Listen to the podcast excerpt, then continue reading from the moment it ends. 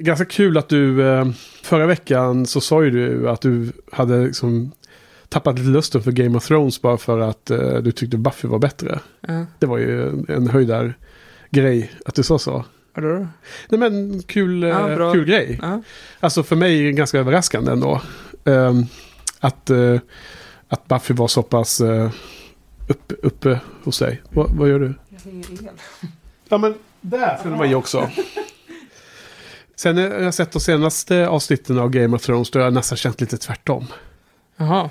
Jag har Eh. inte sett de senaste. Nej, du har inte gjort det, men, men ehm, eh, när jag såg de här tre som vi ska prata om idag så hade jag just sett fyran och femman av, av ju. Jag hade just sett femman rättare sagt. Och eh, då kände jag lite att kontrasten mellan att ha en lång, lång eh, allvarlig story som Game of Thrones till de här eh, hoppa mellan olika eh, standalone avsnitt. Mm. Eh, Mon- Monsters of the Week med väldigt mycket humorfokus. Det blev en för eh, magstark kontrast. Så jag var lite... Jag kände mig lite så, så här less på den här typen av flamsighet då när man gick ifrån Ja. Game of Thrones-världen i huvudet då. då. Utan att ha sett de senaste avsnitten så kan jag nästan hålla med lite grann.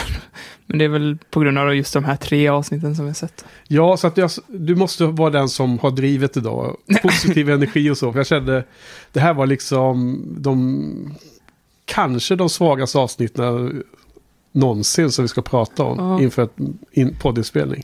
Jag, såg ju X-Men-filmen och då kände jag precis tvärtom. Fan vad bra Buff, Buffy är. Där vet de hur de ska behandla bra karaktärer. Ja, men fast den var dålig sa du också. Eller den, Ja. den var sevärd men Ja, ganska men de, usel. Eller? de har ju så bra karaktärer i X-Men. Varför gör de inte en bra film? Det är ju bara dumt. men Gör en bra men film är istället. också problemet att de är för, för allvarliga, eller? Vad, vad är det som är problemet? Jag tror bara den är dålig. De, de är inte allvar, tillräckligt allvarliga, de är inte tillräckligt roliga. Nej. Men, eh, men Whedon har ju gjort en Buffy-serietidning som är väldigt bra. Som man kan läsa Nej, istället. menar du X-Men nu eller? Ja, Du sa Buffy. jaha. Alltså, Eh. Whedon har gjort en X-Men, den här, vad heter den? Astonishing X-Men Mm, eller? precis. Okej. Jag har inte läst den. Är det bra alltså? Ja, den är pissbra. Har man humorn där då eller? Ja, verkligen. Det är Whedon-humor. Jaha, Det är perfekt. Det är Harry Potter-referenser i den också. är det Ja, Kitty Pride kommer och säger har, har, har jag missat uh, indelningshatten när den kommer till skolan där. Okej. Ska vi börja Mm, med en show?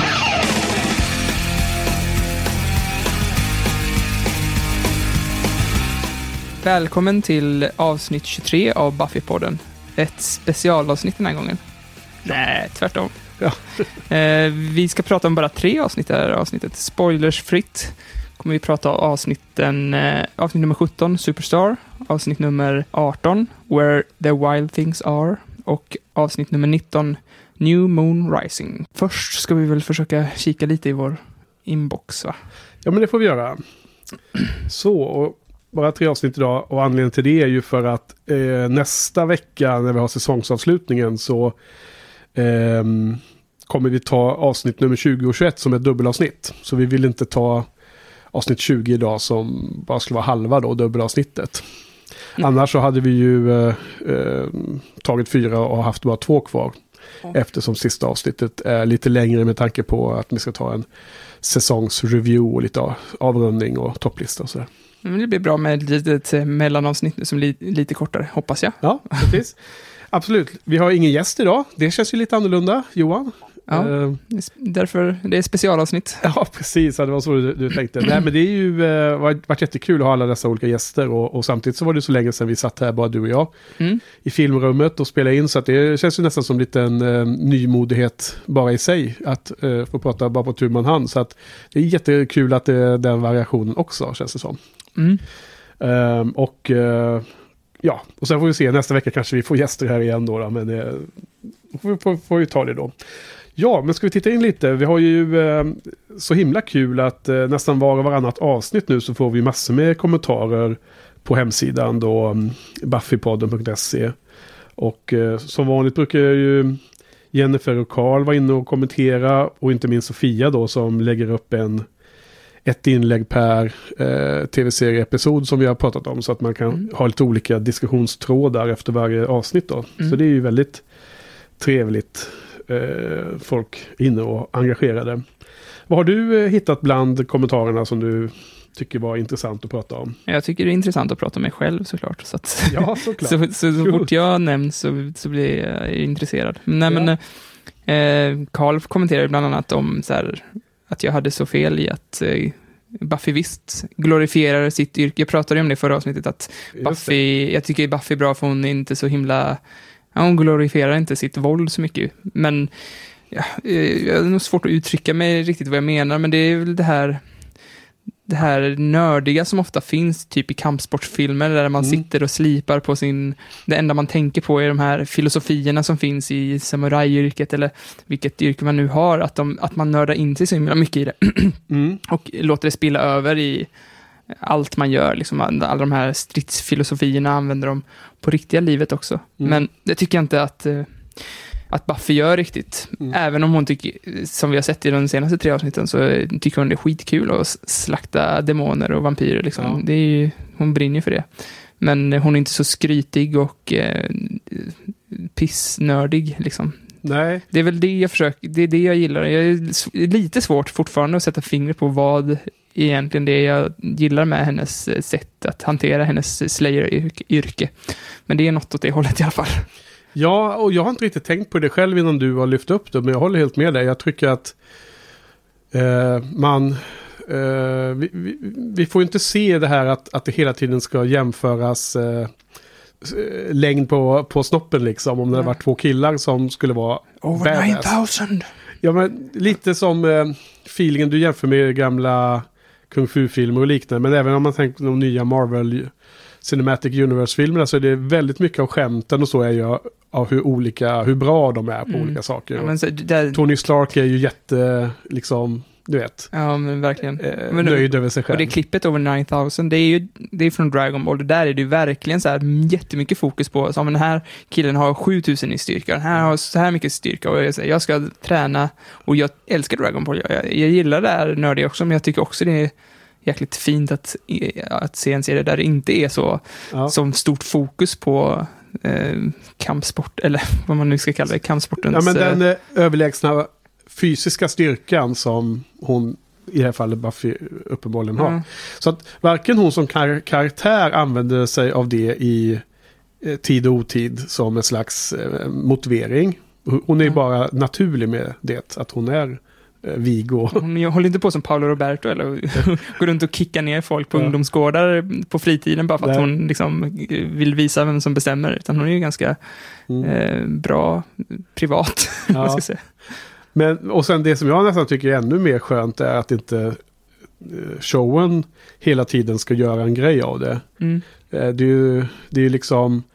Det skulle lätt kunna bli ganska tröttsamt om det hela tiden ska tjatas om det att åh, hon är en blond eh, kort Ja. tjej som är så här stark. Men det har, det har varit några referenser som är rätt nice där liksom skoleleverna har visat att de är lite rädda för Buffy. Och det, jag tycker Ja. det är ganska roligt, men de har ju liksom inte tagit det de har bara som en liksom throwaway-skämt. De har inte gjort så stor grej av det liksom. Nej. Så det är ju nice.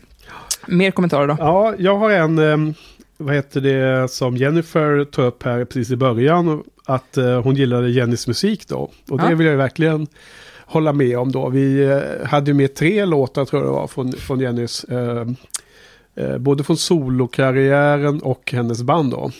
Får jag hänga ut Jenny lite? Vadå? Jag åkte ju tunnelbana tillbaks med henne. Ja. Och du frågade ut henne vad hon tyckte om musiken i Buffy. Hon var ju väldigt försiktig med att säga, ja men det är väl okej. Men- när vi, det kom fram senare att hon tyckte den är ganska fruktansvärd den här musiken. Hon, Jaha. hon spelade ju låtar, den här Lucky, på Buffy-festen, Slayer Club. Och hon tyckte det var jättejobbigt för hon gillade verkligen inte låtarna. okej. Men var det något känsligt runt det då eller?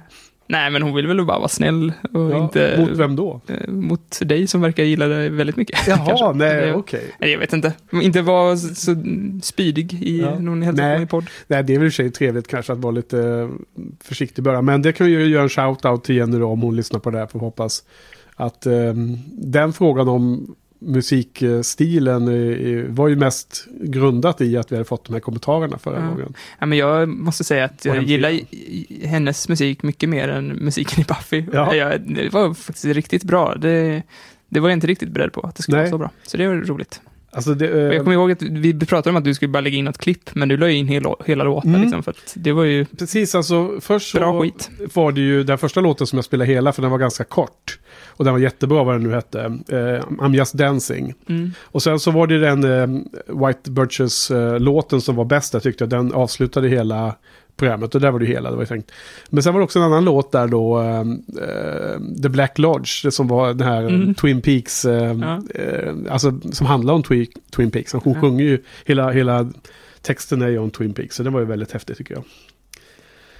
Så, har du, hittar du något mer medan jag ska Ja, men, eh, bläddra här? Som vanligt så, alltså, det där, vi pratade ju förra avsnittet om att det ser ut som en diskett. Det här är helt meningslös diskussion också. Ja, Men vad bra, kör. team diskettstation och team minidisk. Men Ja. där, jag kollade ju faktiskt om på det där och det, alltså, det är helt klart en diskettstation han har i, Ja, i det är- bröstet, men, men den dis disketten han håller upp där, den Okej. är ju oklar om det är en minidisk eller vad det är för någonting. Det är, Kom igen nu, erkänn att eh, vi hade rätt, vi som var på diskett. Flopp, ja vanlig, 3,5 ni, tums. ni med synfel, ska vi Ja. lita på er? Ja, jag vet inte jag. Det är väl skitsamma egentligen. Ja, Men, eh, ja men det var väl Karl hade också fel där. Du och Karl. ja precis. Vad heter det?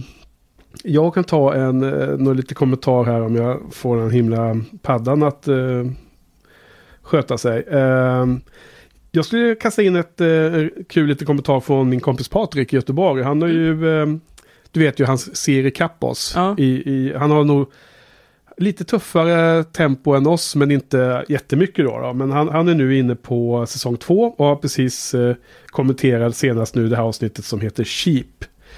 Eh, då vi gick igenom eh, eh, 13 till 16 avsnitten under säsong två. Det är ju det bland annat med Surprise och Innocence. Och eh, Bewitched, Bothered and Be- Bewildered, eller det Mm, fjärde där. Och det var då första avsnittet som vi hade en gäst med. Mm. Som, som Patrik just har hört på. Kommer du ihåg första gästen? Kanske? Det var Joel. Ja, just det, det var Det Förlåt. första, ja, Förlåt Joel. det första av två Burmans. Nej men så Patrik eh, hyllar det lite. Tycker att det var kul med gäst och sådär. Lite annan, höra en annan röst också. Mm. Så att eh, jag, jag tänker här lite att han kommer få mycket av den, den varan sen när han kommer in på säsong fyra här nu då. Och, så. och sen så eh, har han lite olika eh, synpunkter här då. Han, han, eh, han pratar lite om Miss Calendars och du vet att hon, eh, hon och Mr Giles har ju en fling på gång där och sen har hon ju blivit lite hon har tagit några steg tillbaks där eftersom hon blev lite rädd när hon blev... Eh, hon fick en demon i sig i Ja. det här eh, Igon-avsnittet. Så att det är lite snack om det då. då. Och eh, en annan lustig grej är att han eh, återkopplar till att han... Eh, mycket av det Joel sa om vad Joel tyckte om de här... Om tv-serien generellt sett men också om säsong två tyckte Patrik precis lika. Så att han, eh, han eh, tycker sig hittat en eh, själsfrände lite här när det gäller Buffy. Buffy-åsikterna då. då. Mm. Så så är det. Så att jag, jag gav, skrev ett långt svar där också. Så vi hoppas att Patrik kommer ikapp här nu snart. Eller kommer ikapp ännu mer snart här nu då. Mm. Jag vet bland annat att eh, han idag har sett Passion. Du vet, Yeah. detta höjdaravsnitt. Så att det... Denna höjda film. Och då är det Brian De Palma-referens här nu. Ja, det är väl Veckans obligatoriska. Brian, nej, det blir ingen jävla Brian De Palma obligatorisk referens. Ja. Det kan jag Mm. tala om på en gång. Då klipper jag bort det. Ja, okej. Men du, eh, vad var det mer? Några fler kommentarer du har hittat där eller? Det är så mycket. Ja, det är väldigt mycket. Mm. Vi pr- vi pratade ju om den här kopplingen mellan uh, Wizard of Oz och eh, Goodbye Iowa Mm. med uh, Tin Man he- heter han? Mm. Likheten där mellan Tin Man och Adam och sådär. Mm. Det är också en diskussion som pågår som är rätt Där jag intressant. var inne lite och svarade tror jag också. Ja. Ja, precis. När jag tror att både Jennifer och Sofia har, är inne på, eh, på innehållet och um, karaktärerna och sådana saker. Och då är det nog helt klart intressanta liknelser och kopplingar man kan finna där. Personligen så, så jag var mycket, mycket mer grund och kort, kortsiktig i mina... Det var ingen analys utan det var mer i titeln bara, Goodbye, Goodbye Iowa, att det skulle vara en slags koppling till det här We are not in Kansas anymore. Jag vet inte, det... En anteckning som jag hade från förra avsnittet var vad, syft, an, vad, vad, vad syftade titeln på? Jag fattar inte det riktigt. Jag vet inte heller, alltså... Det är han från Iowa eller? Ja, det har han ju sagt. Riley? Ja, Ja. han, han beskrev lite om sin bakgrund och han, han sa till Buffy då liksom att han var en sån här eh, farmers boy. Att han var en, en lugn och safe. Ja. Och det var liksom ett eh, kontra de här eh, jobbiga typerna som struliga killar liksom. Och, eh, men nu så visar det sig att han ändå hade ju en, eh, mörkare historik med att han var alla de här drogerna och att han var en del av en konspiration Ja, eller vad det nu var Ja. Professor Walsh Ja, håller på med. då ju. och då, och då kanske man kan på något sätt ko- koppla titeln med att Goodbye Iowa som liksom eh, lugn och säker eh, farmboy. Att det skulle finnas en sån koppling. Det, det är bara det mest uppenbara jag gör i huvudet. Mm. Skitsamma, det finns säkert eh, många analyser på, av det här på internet men jag har inte riktigt efterforskat det. Ja. Ja, okej, men det finns en hel del mer som de, den intresserade kan gå in och, och läsa då på avsnittet 5 by 5 eh, på buffypodden.se. Mm.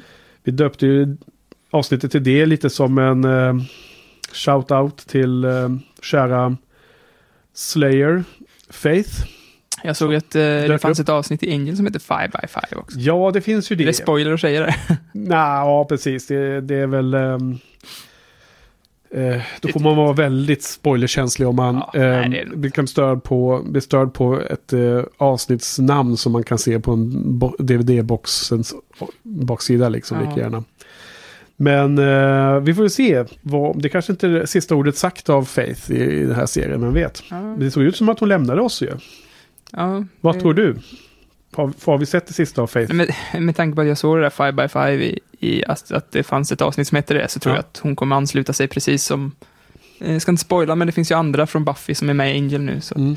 Mm. jag tror att det kanske kan bli så. Mm. Men eh, ska vi dra vidare? Okej, låt oss göra det. I don't care if it is an orgy of death. There's still such a thing as a napkin. A nest. No biggie. I bet I could do it. I mean, I know I could take at least two. Yes, and then we could run for help while the other three suck your heart out through your neck. You're right. It's too many for just us. You know who we need.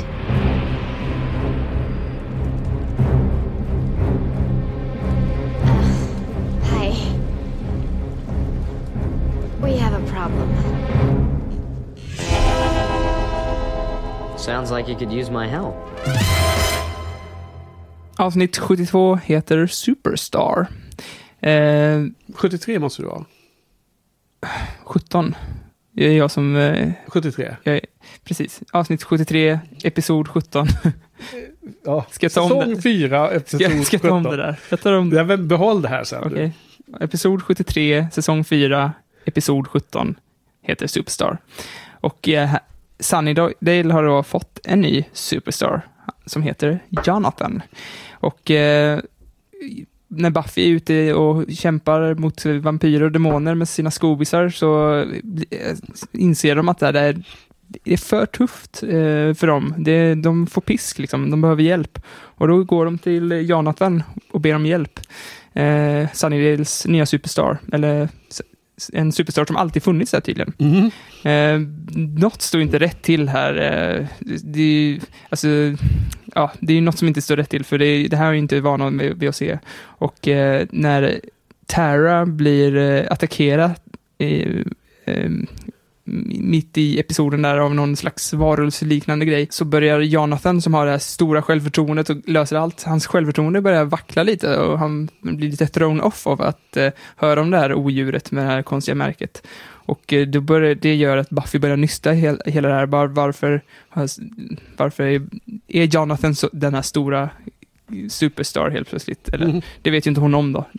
Eh, Det visar sig ju såklart att eh, de är under en spe, Jonathans spel. Han har förtrollat hela Sunnydale och eh, ehm, det här listar de ut och Buffy och skobisarna listar ut det.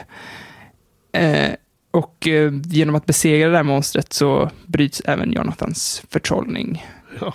Och eh, det var kanske lite flummigt berättat, men när jag såg det här avsnittet var jag tvungen att pausa och kolla att jag var på rätt avsnitt, för att jag, Jonathan var ju med i introt också. Mm. Jag bara, fan, jag har missat någonting nu, för det- Ja, men det är jättekul. de, de lurar ju oss tittare också lite grann, eller de driver lite, jag Ja. vet inte, någonting. Du menar de här äh, vignettmelodin, äh, Precis. signaturen och så ser man alla de här snabba klippen. Från, Ja. Ja, det, jag tycker det är jätte... Alltså det är ju ett rent eh, humororienterat eh, standalone avsnitt ju. Ja, Eh, man blir lite thrown där när man ser i början att helt plötsligt är Jonathan med i smoking och grejer i, i den här vignett eh, collaget då. då. ja, James Bond-karaktär av något slag. Ja, ja, och det är liksom, de, de kör ju också det här i musiken, i Ja. Så score. trumpet. Di-di, Så, så, så är det liksom James Bond-vibbar ganska ofta i avsnittet. Alltså det är ju precis här på gränsen till att de nästan skulle kunna bli anklagade för att ha stulit eh, Karaktären. eh, nej, men musiken. Musiken, ja. liksom. Mm. Och karaktären är ju uppenbarligen tagen liksom, som att han spelar som en James Bond-typ. Så det, det, det, det tycker jag är ganska kul. En rolig liten riff på James Bond eh, vad heter det, filmserien om man Ja. säger så. Och för mig är ju det här liksom, det är ju humorn som är det roliga i det här liksom. Ja, det är, ju- det är ju det som är i fokus, men samtidigt så har den ju typ några, alltså till och med Jonathan får en rätt bra scen här. Alltså, det här, jag tyckte det var lite dåligt hur det hanterades, det här med att Faith eh, hade sex med Riley och eh, det, ja, det mynnade ut lite konstig diskussion där, men, men eh, och det har blivit, blivit lite kärvt mellan Buffy och Riley efter det. Mm. Men eh, Jonathan har så här bra diskussioner med både Buffy Ja. och eh, Riley om det här. Vilket eh, ja, det är rätt coolt att se. Han är, även om han har satt en- hela Sunnydale under någon slags spel så vill han ju väl. Liksom. Det, Ja. det, Ja, alltså vad, vad tycker du om att den här... Det är en liten, liten figur som har återkommit i, åter, återkommit i massor med avsnitt. Han hade ju en liten större roll i det här avsnittet när han var uppe i klocktornet och Buffy Mm. Ja. trodde först att han skulle skjuta mot eleverna fast han ville ju ta livet av sig Ja. den gången. Vad det nu avsnittet hette. Men eh, alltså, ofta har han varit med bara så här, man har sett honom. Jag Ja. kommer ihåg bland annat att i den här, eh, är det andra avsnittet i... Eh, eh, vilken säsong är det? Andra eller tredje när han... Eh, när, de, när de bråkar med Buffy på hennes fest där hemma när hon har ja, kommit hem eh, igen. zombieavsnittet. Ja, det kommer zombiesar. Då, det är då, det är han som står där vid, Ja, vid, vid chipsen och, Ja, vi har ju pratat mycket om och, Jonathan. och Buffy frågar om han också vill skälla på henne. Ja, det, det är ju pisscoolt verkligen att Ja. han har bara fått större och större roll och eh, vuxit så mycket. Ja, Han är tydligen med, det har jag säkert sett, han är med i Gilmore Girls också. ja okej. Den skådespelaren då, inte Ja. Jonathan. Det hade ju i och för sig varit coolt med en liten crossover där. Mm. Men eh, den karaktären är ju jäkligt coolt utnyttjad och eh, sen finns det ju en liten nackdel i det här avsnittet. För att han vill ju så, man ser ju att han vill väl liksom. Ja. Men så finns det en scen som är så konstig. Och det här måste ju bara liksom, de som har gjort serien missat lite. För vi pratat om det förut, det här Vadå, du menar... Det finns ett våldtäktsskämt i det här, i det här eh, avsnittet också. Eh, jag kanske kallar det våldtäktsskämt bara för att provocera. Alltså, jag vet inte, men, men det, är, det, det dyker upp två eh, tvillingar, s- svens, svenska tvillingar, som han liksom, Svenska? Ja, alltså, de säger ja. De kan, jag vet Ja, de inte. är ju blonda i sig, kanske är tank, tanken. Ja. Jonathan, aren't you coming to bed? Yeah, it's getting late. Be right there. Uppenbarligen har haft, han legat med dem och Ja. uppenbarligen mot deras vilja, så att det känns ju lite Ja. sunkigt. men, Känns lite långdraget att kalla det för ett våldtäktsskämt i och för sig. ja, men det är ju ett skämt och det är en våldtäkt. så det är ju, är, det, är en, det, är en, det är en magisk hypotes liksom att all, alla skulle ha blivit våldtagna då. Alla som, Ja, det är, som han, ju, blir... eh, han ju utsatt alla för ett övergrepp, men Ja. han ju i- i- bara utsatt två stycken för våldtäktsövergrepp. Ja, nej, ska vi börja jaga sådana saker då blir det lite för, eh, för känsligt tycker jag. Vad menar du med jag? Nej men alltså i en sån här serie där, där man gör den här typen av tankeexperiment liksom att nu, skulle Ja. en hel värld Nej, jag, vara jag, ändrad. min kritik var nog bara så här att eh, det var lite tråkigt att, att det skulle hända bara för att eh, jag, för jag vill se Jonathan som en så här eh, karaktär som vill väldigt väl, Mm. men och att det, det blir så här lite tråkig bismak av just den där scenen, men ja, det, det ser jag bara som att eh, writers inte har tänkt tanken fullt ut. Vad är det han egentligen har gjort med de här Mm. tjejerna? så, Ja, och samtidigt så fa- faller liksom hela konceptet och då kan man liksom inte riktigt ta någonting eh, av den här slagen ju, om man ska vara känslig för en sån sak. ja, Liksom, men, eh, men visst, det kanske är korrekt synsätt på en sån eh, Ja. sak. Jag, hade, jag, jag, jag, ja, jag vet inte. Jag tycker att man kan både tänka på det och tycka att allt annat är bra. Men eh, Mm. Ja. Så att det skulle vara en... eh, en eh, menar du att, att du tycker att de borde tagit bort det då? De skulle inte haft med det, det elementet alls, att han hade flickvän. Eller Nej. i det här fallet till och med var det två tvillingar var de ju. nej, men han, För att det skulle vara ett sånt övergrepp då. han, han kunde ju varit populär hos tjejerna utan att liksom, bjuda in dem till hans sängkammare. Liksom. Jag, jag, jag, jag får känslan av att han är en godare karaktär än så. Ja. Att han har ett gott hjärta. Han skulle Det- inte göra en sån sak. Vi, vi får ju inte spoila någonting i cirkeln, det har ju uh, gjorde Sara klart. Men det finns ju en, en ganska tydlig Ja. eh, eh, parallell faktiskt. Ja, jag tänkte också på det, att, att eh, det här med konsekvenser liksom. Men också en, en väldigt tydlig eh, parallell till Ja. cirkeln då. För, Ja, och det räcker med att man har sett filmen. Ja. Det är ju med det också va? Eller? Ja, är det med i filmen? Nu, nu har ju du sett den är senare än jag. Jag liksom tänker på en specifik karaktär i cirkeln som Ja, använder jag vet sina, exakt, sina krafter. exakt vad du tänker på. Jag har också sätt. tänkt på det. Ja, Där behandlar de ju det här bättre. ja där, där behandlar de det som ett sånt problem som du är ute efter här. Ja. Ja. Och det kanske var därför jag tänkte på det, för efter Ja. jag precis har läst cirkeln. Ja. Jag vet inte. Ja, precis. Nej, för, för där behandlas ju inte humoristiskt överhuvudtaget. Det behandlas ju som ett problem. Liksom Mm. ett eh, addiction, ett beroende. Eller ett, också ett, eh, ett sätt att undanfly någon verklighet om man säger så. Och det, det jag tycker är coolt med Buffy, att de tar de här magiska grejerna, sätter det i en verklig värld och, och det får verkliga konsekvenser. Mm. Men här har det inte fått konsekvenser. Och, Nej, men, och nej. det, det händer många gånger att saker Ja. och ting inte får konsekvenser. Och det hände säkert i cirkeln också. Men, men här bara Mm. tänkte jag på det så himla tydligt, bara för att jag hade, säkert för att jag hade läst cirkeln. Liksom. Mm. Och jag tror att de, även om det är med i filmen så det, är det mycket tydligare i boken. Men liksom det, det är som att det blir som en parallell värld här. Mm. Den här ehm, ehm, spällen gör ju att alla eh, tycker att Jonathan är en James Bond-typ. Mm.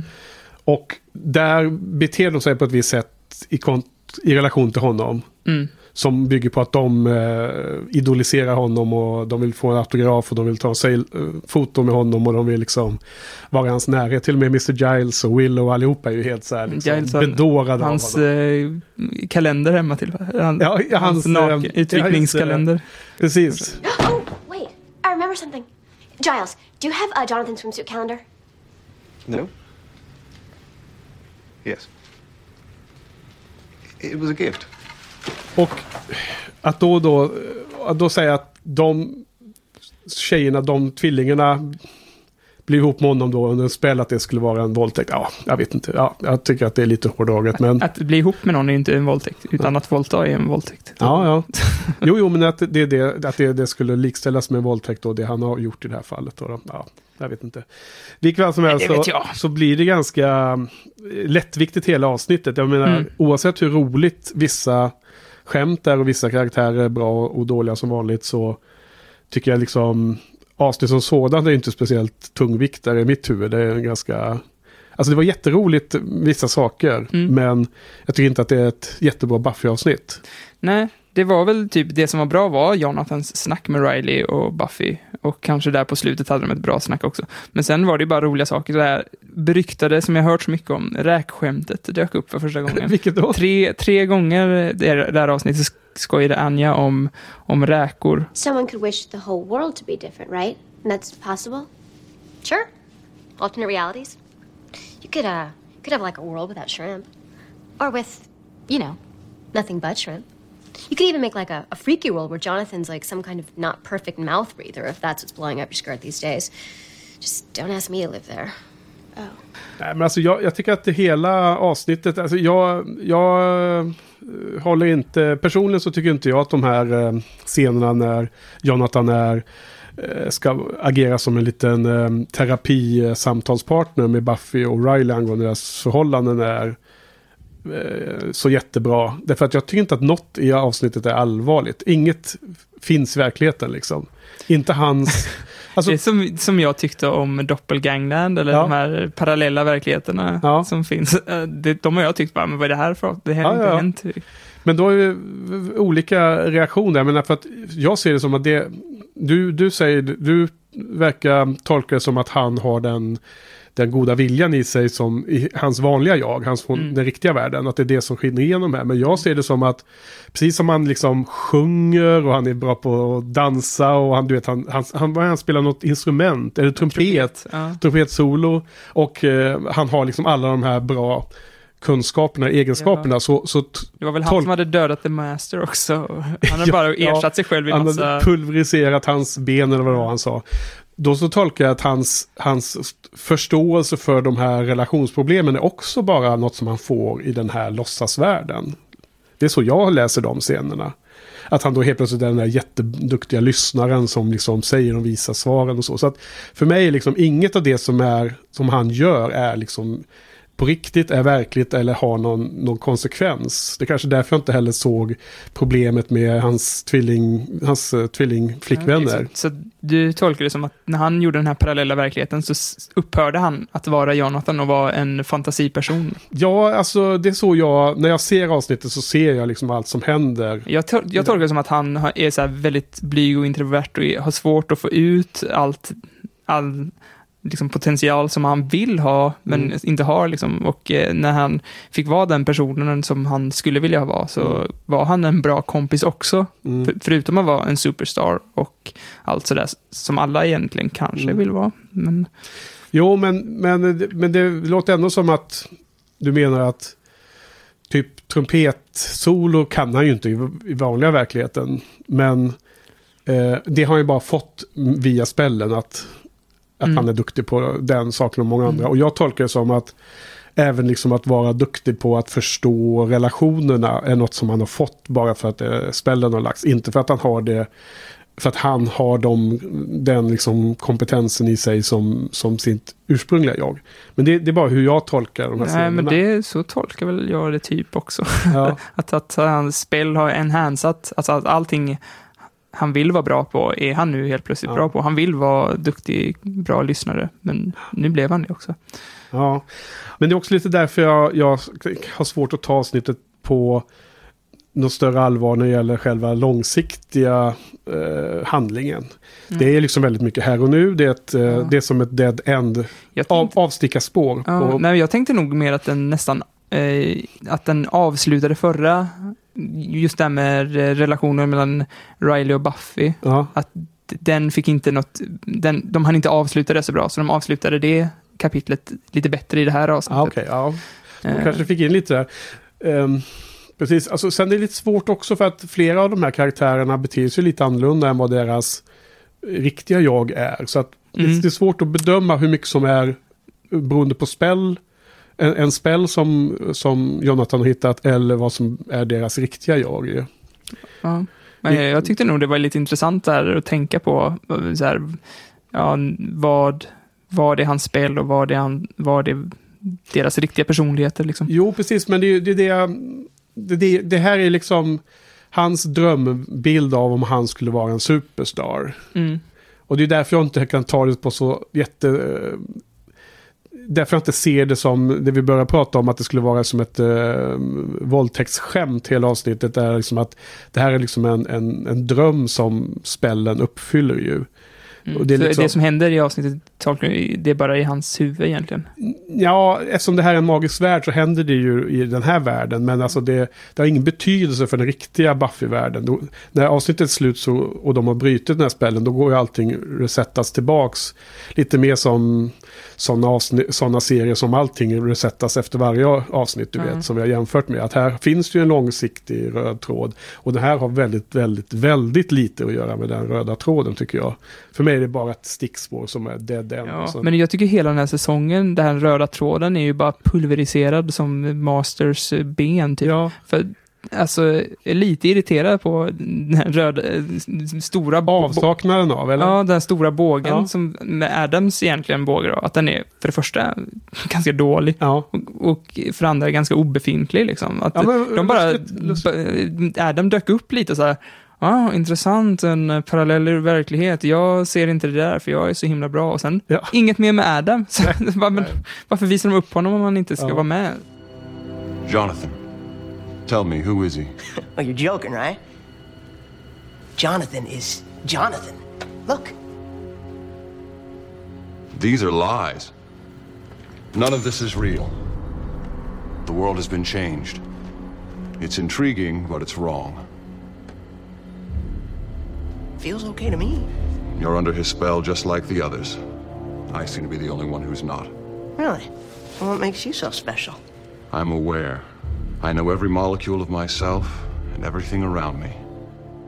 Tidigare så har jag för mig att du har varit ganska positiv över fyran. Du, du har tyckt att det varit många lustiga avsnitt och så här. Jo, precis. Alltså, jag, det, de byggde ju upp det initiativ som en väldigt mystisk och organisation, liksom. Men, Ja. men typ exakt när Adam dök upp så bara föll allting, kände jag. Jaha. Och Walsh dog och all mystik som hon möjligen bar på dog med henne. Liksom. Mm. Så, ja, där vände nu är ju mig inte så till- mycket kvar så vi får väl se. Det slutar ju snart också. Ja. Så att du får, får väl få någon form av konklusion med Adam. Eh, men det är intressant att höra. Men jag håller helt med. Den är ju... ehm, eh, den rö- röda tråden är ganska svag i säsong fyra tror jag vi kan vara överens om. Ja. Ja, det, för, det, en sak som jag tyckte var rätt cool, som jag, det är så här, som jag tyckte var lite, alltså, som är bra med cirkeln också, så här att, att använda magi får konsekvenser, att det Mm. inte är så konsekvenslöst. Det, finns ju en serie som jag pratat om förut, som jag gillar väldigt mycket, som nu ska bli film, som heter Full Metal Alchemist, Mm. eh, som Tecknat. tecknat, ja. Ja. En anime som inte ska bli whitewashad av Hollywood den här gången. Mhm. Men eh, där hela liksom taglinen är, är Toka Koka, lika utbyte. Att eh, det har jag berättat om förut, men det öppnar upp med att de ska få, försöka få tillbaka sin döda mamma. Och det har liksom, det är inte bara salt, vatten, allt som en människokropp består utan, utan det är själen och behöver också ett utbyte. Och Mm. eh, när man gör sådana eh, spells som eh, tar tillbaks liv eller som är väldigt som är väldigt stort utbyte själsligt kanske, Mm. eller som en viss karaktär i cirkeln, att eh, man använder magi för sina fördelar och sådär, så eh, har det konsekvenser. Alchemy, the science of understanding, deconstructing, and reconstructing matter. However, it is not an all powerful art. It is impossible to create something out of nothing. If one wishes to obtain something, something of equal value must be given.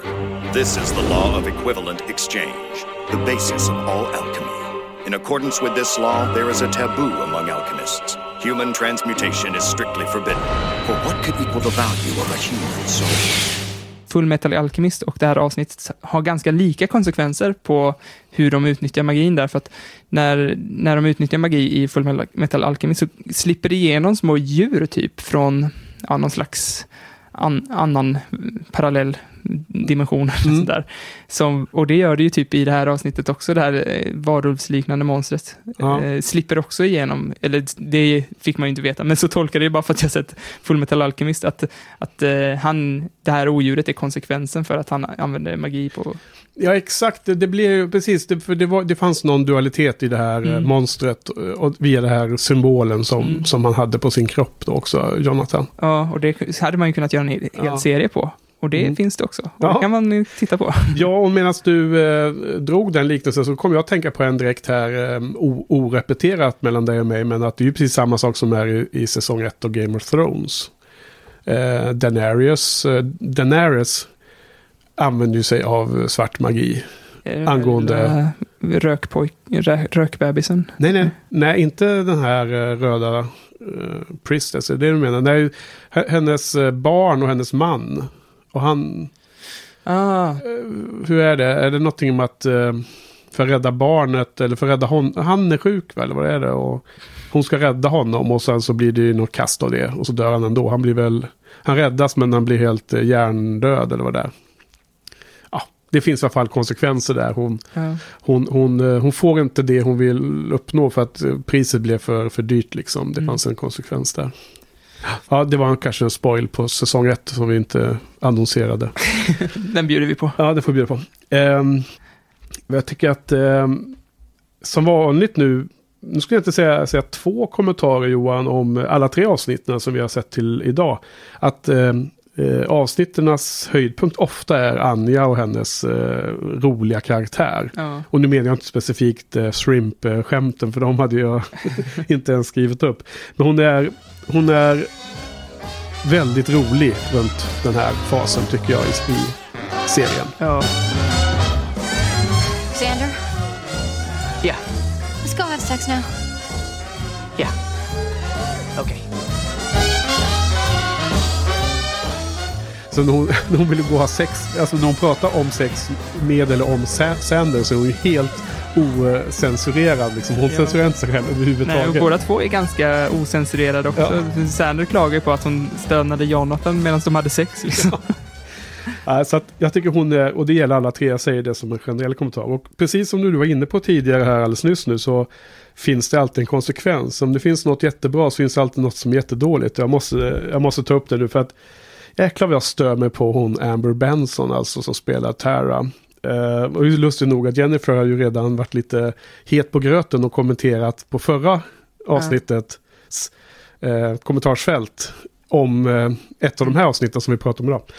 Angående henne. Alltså hon, hon är ju så fruktansvärt dålig skådespelerska. Jag, jag, jag tror att det Jennifer eh, syftade mest på var nog eh, det senaste avsnittet. ja, New Eh. Moon Rising. Ja, precis. För Ja. där, där får hon ju spela mycket, ut mycket Mm. och väldigt mycket där uh, Alison Hannigan gör en av sina topp Mm. bästa performances i säsong fyra i alla fall. Mm. Eh, och då är, tyckte Jennifer att det var ganska tydligt att hon inte var så himla bra skådespelare. Ja, exakt. Det var ju, hon lyfte upp den slutscenen i, i det avsnittet där de gör en scen ihop. Och det är ju extra tydligt i sådana lägen. Men jag har... Jag hade tänkt att jag skulle ta det som en eh, generell punkt, men nu blev det här under säsong, eller under den här episoden. Men jag har Mm. faktiskt skrivit i alla tre avsnitten har jag kommenterat hur, hur, hur skådespelerskan är, är, svag. Och alltså det, jag, jag försöker undra, alltså jag har inga problem med karaktären. Jag tycker det är jättekul att Willow har en, eh, först en hemlig fling och sen nu har en, en, en ny eh, flickvän liksom. Mm, Naturberättare. Eh, nej, men alltså, det, det är inte karaktären som sådan och jag, jag kan tänka mig att många älskar att de är ett par. Och så kanske då eh, förlåter skådespelerskan till mångt och mycket för att man gillar karaktären i serien. Och det väl må vara, men för mig har, har inte det räckt eh, riktigt. Alltså jag, det räcker inte för mig att, att Willow är värd en, en, eh, en, liksom att bli ihop med någon. Eh, tyvärr. Så, så det överbygger inte. Och jag fattar inte om det är hur, hur, hur det har blivit så här. För att det måste ju vara eh, regissörerna då måste också ha sett hur det är. Hur det är. Och jag, jag har då funderat lite på vad fasen är det som, är, som stör mig så. Men jag märker att hon spelar över hela tiden. Hon spelar för mycket. Alltså, så- som gör att du ser i, i, varje, i varje scen när det blir riktigt dåligt att hon skådespelar. Och det är precis det man vill undvika. Man vill ju inte se att de, att, att de som syns på, på skärmen skådespelar det, sin roll. Nej. Man vill ju att de ska vara sin roll liksom. Mm. Om man till exempel jämför med Anja, som jag, jag satt och funderade på det här, för nästan, det är också ett tecken på att de här tre avsnitten inte är så himla bra då, för att jag satt och började fundera på massa andra saker runt omkring produktionstekniska saker, liksom, Mm. i det här fallet skådespeleriet. Vad som är så bra med hon som spelar Anja, som nu har bara tappat, eh, vad heter hon? Jag kommer inte ihåg. Eh, ah, ah, nu står det still i huvudet, jag är så inne i tankarna här. Hon, hon som spelar Anja, hon är, hon är helt stilla i ansiktet och i kroppen när hon inte säger vad hon ska säga. Liksom. Vilket gör att alltså hon, hon underspelar sin karaktär väldigt mycket. Och många av de här skämten ges ju utan alls liksom leverera med en stor skådespelargest. Utan det är väldigt så här deadpan. Ja. Medan hon som spelar Tara, hon, hon både när hon levererar sina lines och även efter så gör hon massor med eh, gester i ansiktet och miner och eh, hon ska spela eh, blyg och hon börjar stamma och sådana saker så gör hon det så överdrivet så att det är liksom over 9000 hela tiden. Ja, men ah, jag, jag gillar ju henne.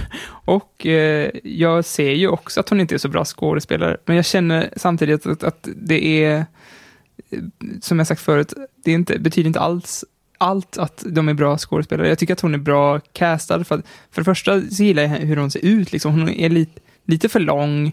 Hon har inte de här eh, liksom, kropp, eh, Alison Hannigans kropp. Utan hon är så här, går lite så böjd i kroppen och, Mm. och lite mörk, mörk under ögonen. Och så här. Hon ser lite vanlig ut. Hon är inte så här piss-snygg, alltså enligt rådande liksom hur Mm. man ska se ut. Som Sander och, och Buffy och alla andra är ju så här, ja men de ser ut som det, det snyggaste som, man kan inte vara snyggare på 90-talet än vad de är liksom. Sander? Tror du det? Ja, kanske. Ja, Ja, men han är väl en jävla hunk, är han inte det? kanske. man, man kan inte säga att han är det nu längre, men, Ja. men då var han nog det. Eh, och eh, David Boreanaz var väl också piss. Ja, han har man ju hört beskrivs av många som att han ska vara supersnygg, så det får man väl köpa. du kan inte se det själv. Jo, men alltså, jag kan absolut se killar som är snygga, men jag, jag, jag, jag tycker att eh, Sarah Michelle Gellar är jättebra som Buffy. Jag tycker hon är jättebra i den här och, och, och vissa av scenerna är ju helt grymma. Men när pratar om att Patrik såg Passion och, och vi, vi har sett eh, andra avsnitt i första säsongen när hon Ja. är helt sanslös.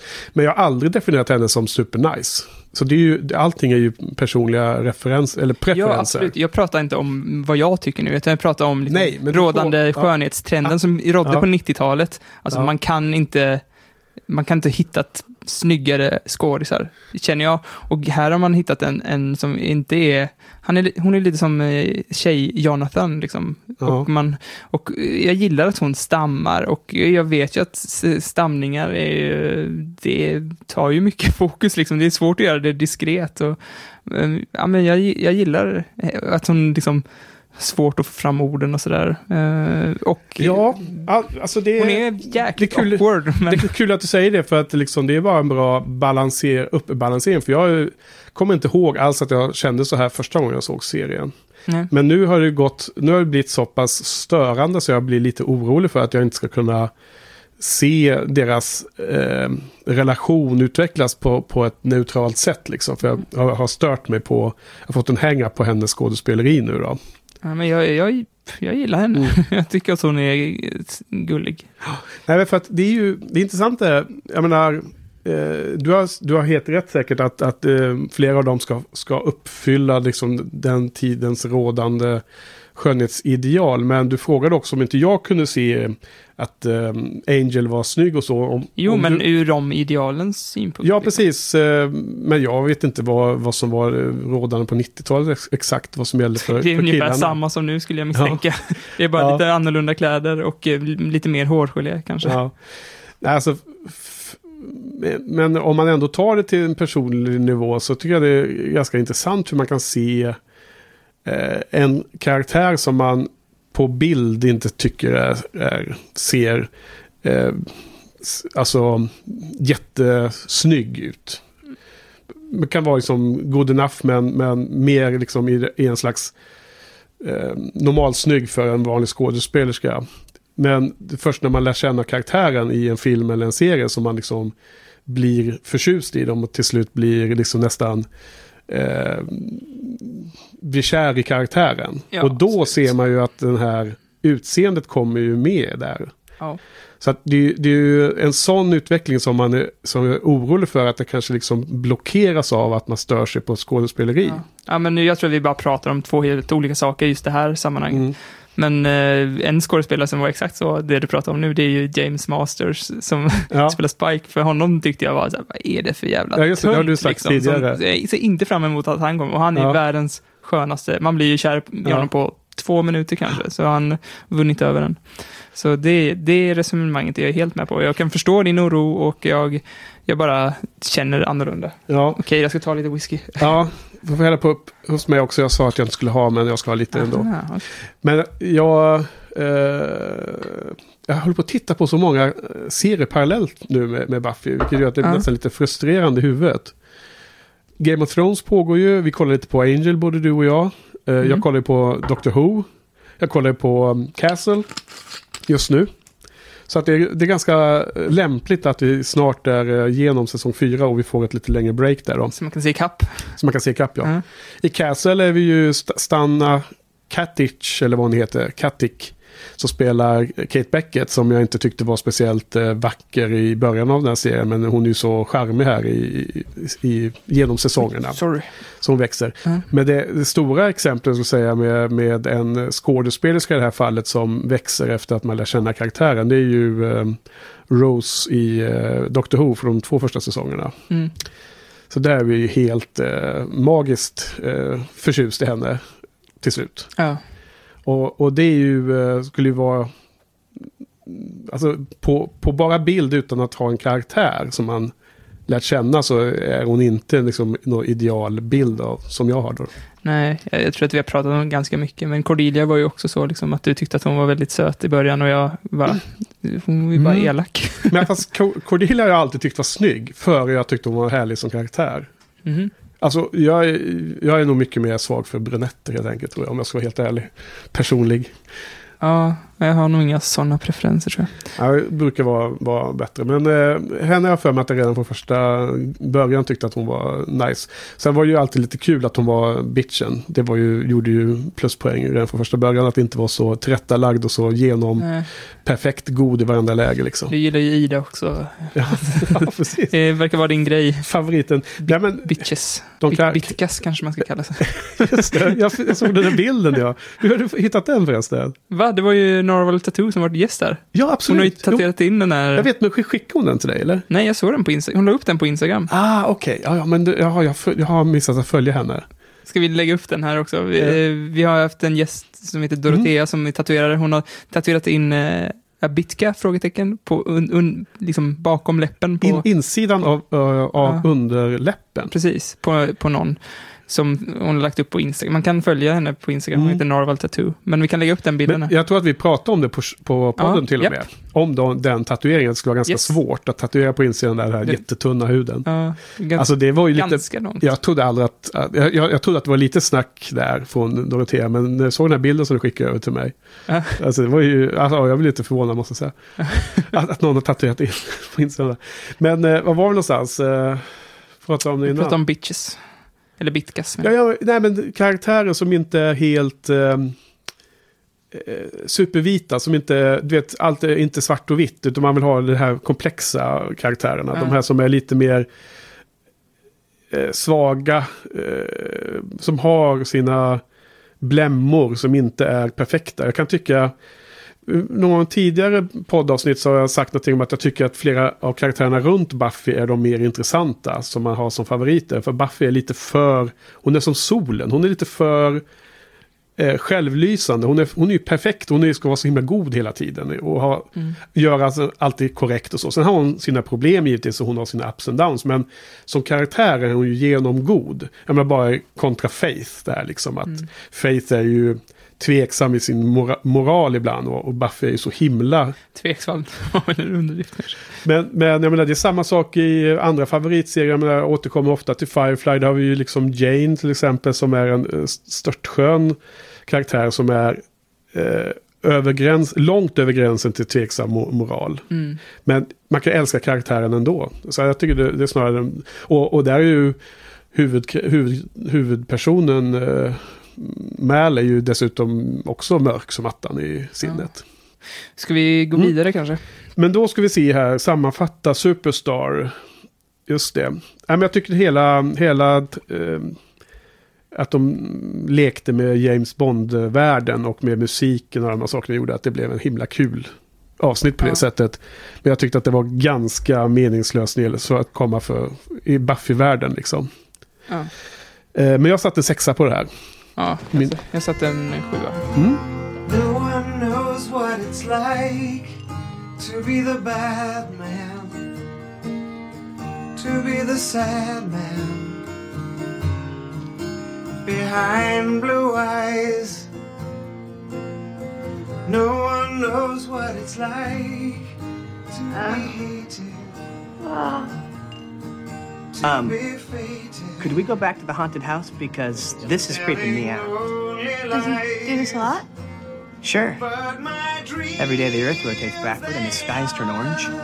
Is empty as my conscience seems to be. I have hours only lonely remember why I used to have such a crush on him. Well, he is pretty good. His voice is pleasant. What? Oh, come on, maybe he's kind of sexy. I'm fighting total mental breakdown here, Will. No more fuel on the fire, please. And I blame you. Episod 18 heter eh, Where the Wild Things Are. Skriven av Tracy Forbes, som eh, tidigare har skrivit Beer Bad, Something Blue. Eh, Jag tror att det här är hennes sista avsnitt som hon skriver på, i Buffy. Mm. Så hon skrev bara de här tre avsnitten. Den handlar ju om en... Det är ju typ...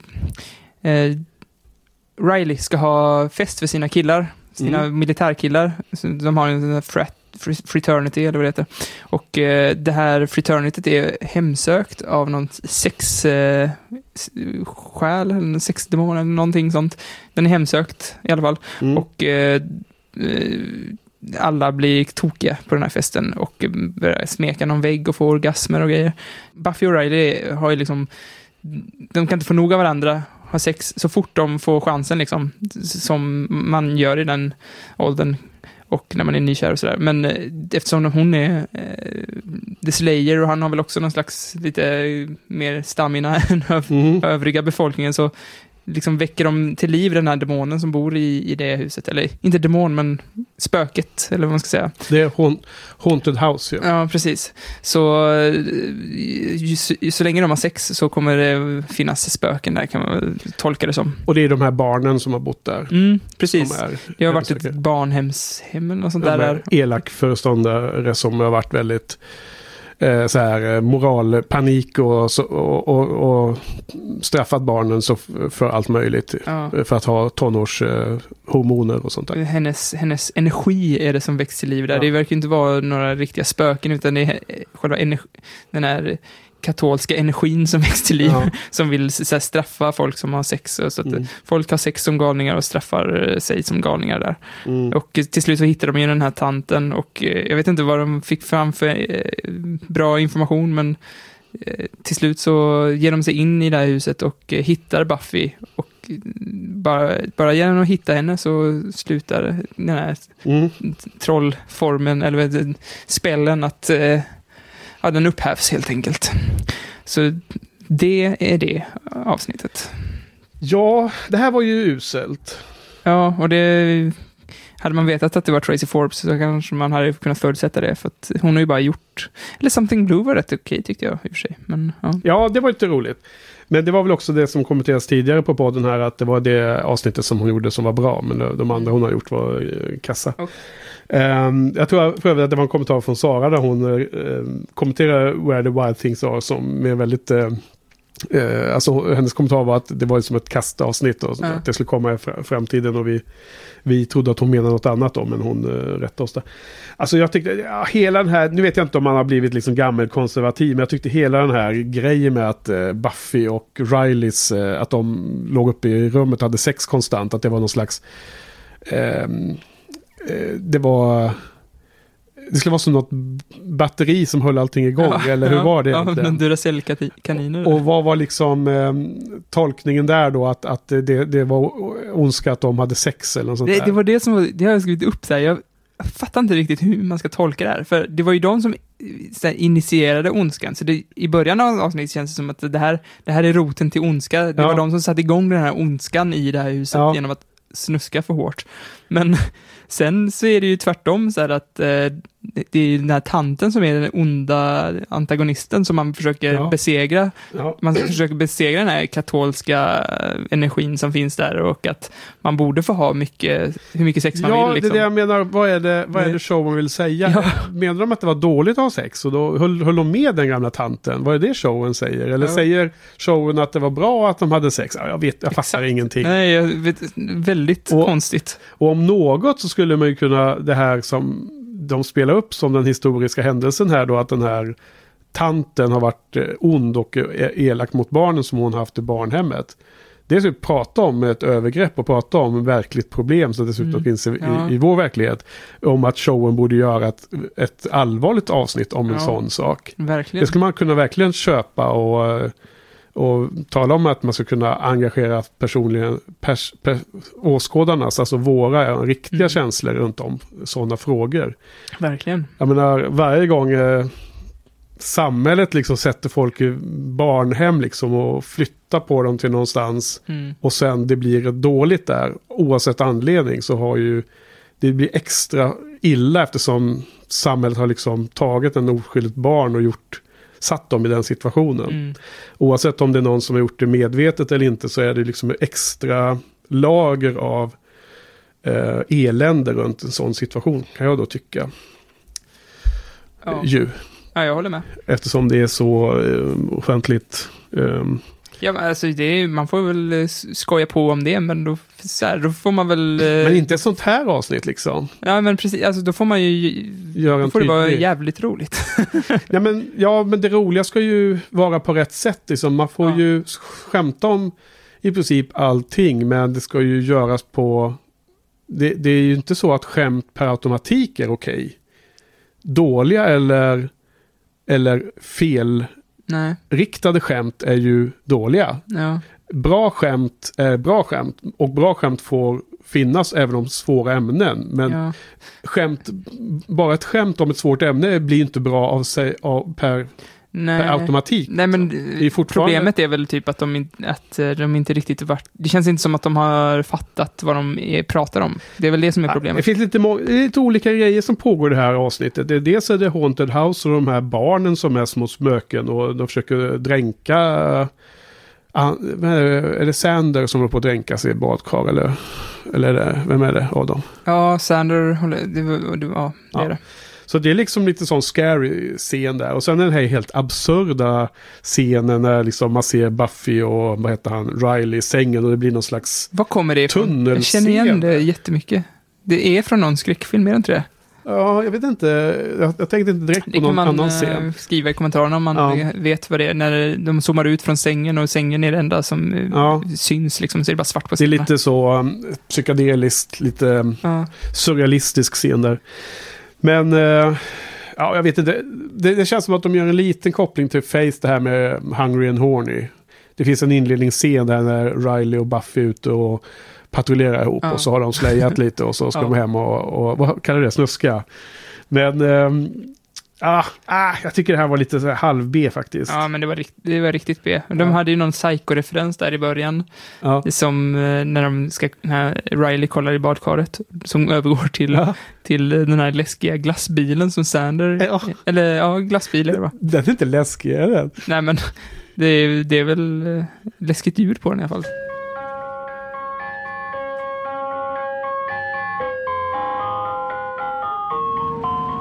Sen är ju Sandra och Anja där, då blir den inte så läskig längre. Ja. Så det, det var, alltså, Anja är ju skitrolig i det här Också, ja. också. ja men hon är, jag har skrivit upp det flera ställen här. De är jätteroliga när de står och pratar och så helt plötsligt är det massor med barn utanför. Och de Ja. står och pratar om sina kärleksbekymmer eller sina... Ja, men framförallt är An Anja rolig när hon bara är helt osensurerat. Bara, är det att du är impotent eller så här, har du problem att få upp det? Och han blir helt frustrerad. Ja. Och bara, ja, Mm. hon är rolig. Nej, sen eh, den stora grejen man kan eh, lyfta från det här är det här lustiga att Mr. Giles har ett... Eh, går iväg på något möte och han ska göra någonting och man får inte veta vad det är. Och sen då när de måste hämta Mr. Giles eftersom Buffy har blivit inlåst i det här huset. Och då upptäcker de att han sitter och spelar akustisk, akustisk gitarr och, och sjunger på någon coffee house. Det måste vi avsluta det här avsnittet med, den, den låten. Det Va? är en bra låt också. Ja, Alltså, jag vet The inte. Who. Ja, ja, just det. Det är en cover va? Ja. Ja, jag, jag har inte skrivit upp vilken det är, men det måste vi ta reda på. Skriva det i show notes, vilken låt det är. ja, men det är The Who som har gjort den. Mm. eh, jag vet inte vad låten heter faktiskt. Nej, precis. För att jag, jag blir lite osäker, därför jag har också sett honom... du vet, eh, Anthony Head spelar ju musik i verkligheten. Mm. Så det finns ju på YouTube eh, livekonserter och jag tror att han kör den här låten live. Så att jag Mhm. blandade ihop det om det var en, en känd låt eller om det var att jag bara hade hört den på YouTube. Ja, den heter Behind Blue Eyes. Mm. Så det är ju ganska passande för The Ripper. Ja. Så, och sen så har jag skrivit upp Anjas roliga massor med scener. Eh, Det är mycket om sex i det här avsnittet, vilket kunde vara jätteroligt, men jag tycker att det blir helt kast, för att man, man fattar inte riktigt vad de är ute efter egentligen. Ja, Spikes är också konstig roll, men det är roligt när han ska sk- skrämma Anja. Anja bara, I'm not paying you for scaring me, när han säger att han vill Ja. ha pengar från henne. Ja, nej, just det. You made me scream really loud. Ja, han, han är ute och... och mm, jagar pengar. Sen, eh, vad var det mer? Eh, men lite lustiga kommentarer som jag tyckte eh, Sander hade där om eh, gamla, gamla människor är helt galna. Det var en himla rolig kommentar jag skrivit upp. You have a great deal to answer for. I refuse to listen to this when I can smell the sin on each and every one of you. Yeah? You smell sin? Well, let me tell you something, lady. She who smelt it dealt it. It's like what you said, but faster. So this totally adds to my old people are crazy theorem. Det här är inte bara roligt. Jag tyckte den här var ganska fin, den här scenen också. Ja. Det är när A- Anja säger, när Anja håller handen mot the haunted house. Aha. Och, och, eh, Och få en poltergasm. De Nej, det? det, det, är ju, det är ju väggen inne i huset. Hon håller handen mot dörren till Jaha, huset. okej. Och Sander frågar, What do you feel? Och hon säger, Sad, afraid of being without you, and a little hungry. Det. säger hon. Och det är så jävla gulligt. Så bara, men nej, det var inte det jag menade. Ah, Okej, ja men still haunted. Och, och lite hungrig också, det är det roliga i det. ja, alltså, att, att, Utan, liksom- den, utan det extra tillägget så är ju det en ganska dålig scen. Ja men, eh, nej, men Eller hur? bra rekon- eh, dekonstruktion av skämtet. Det, Ja. det håller jag med om. Ja, men det är så lite som skulle göra hennes karaktär helt kass. Liksom. Det skulle inte alls vara roligt alla de här sakerna hon gör. Och det är både dialogen och hennes skådespeleri. Ja, Jag återkommer till det här nu. Det är så himla viktigt ju. ja men ja, hon, är piss, hon är en av mina favoriter alltså. Ja. Är alltså, jävla bra. Och det, är liksom, det- var ju jämmer och elände när Cordelia lämnade. Men vi har ju Anja som har tagit över den här platsen i huvudet som man liksom... Så underbara kommentarer som verkligen sätter saker i perspektiv. Jag gillar ju nog Anja mer än Cordelia. Ja, superbra. Jag gillar dem båda. Jättemycket. Ja, eh, ah, vi, vi, vi, det finns inte så mycket mer att säga om det här. Va? Det är inte värt mer. En trea. Ja, jag hade satt fem först. Oj. För jag skriver ju alltid direkt efter jag har sett avsnittet. Men nu när jag satt och tänkte tillbaka så kan jag inte komma ihåg någonting som är bra förutom Anja och att man fick se Mr. Gerhardt spela gitarr. Och jag tycker inte det räcker. Så jag hade jag har jackat ner det till tre också. Ja men, då är vi synkade då. Ja, alltså innan du sa det. Jag, jag skrev Ja, det. yeah, right. un, jo, men jag skrev, jag skrev det så under eh, snacket här. Ja. Nej, jag kan verk- verkligen inte förstå hur jag tänkte där med fem. För det är ju ändå, tycker jag, det ska vara liksom mycket högre nivå på det. Mm. Men du, ska vi gå vidare? So the uh, Ja. activity has shifted, not, not stopped. It's fascinating. To an extremely bored person, maybe. Well, that was a thrilling hour. You know, I really don't appreciate your snide remarks, Anya. I have a great deal of experience in these matters, and if I say there is a matter of some import brewing, I. I...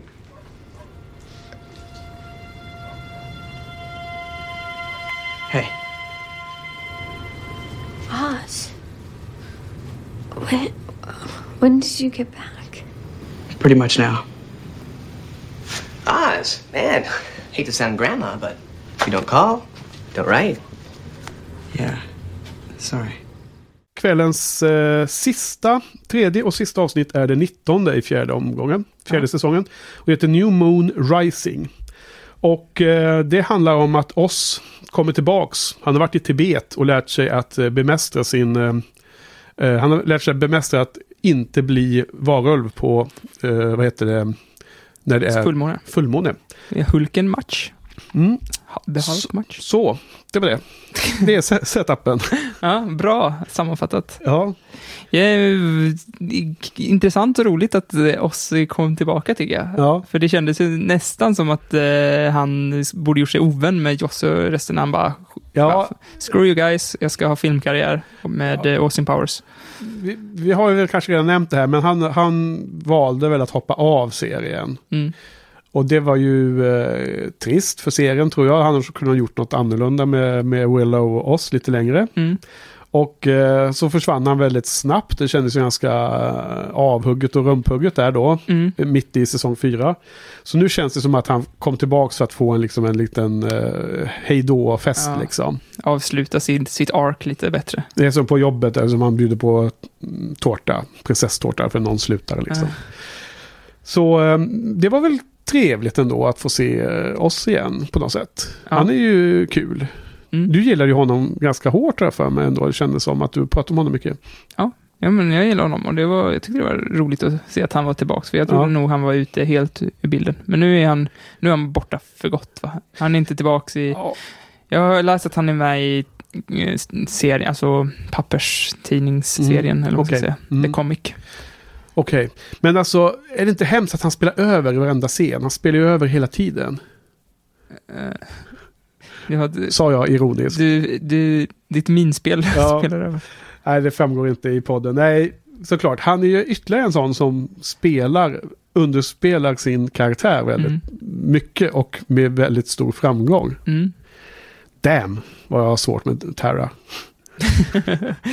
du, du, du skulle fråga den. Det, det finns ju en, eh, en scen där till och med jag tyckte att Tara var lite dålig och det var, Ja. det var nog när eh, eh, oss i sin varulvsform attackerade Tara inne i någon föreläsningssal. Okej. Då tyckte jag att hon eh, gick lite över gränsen till och med för min smak. Men annars, alltså jag gillar att hon är lite awkward i, i scenerna Mm. med Willow. Det finns ju två ganska st- stora scener där Willow eh, är pissbra liksom och Mm. där, där hon spelar mot Tara, eller vad hon nu heter, eh, skådespelaren. Amber Benson. Mm.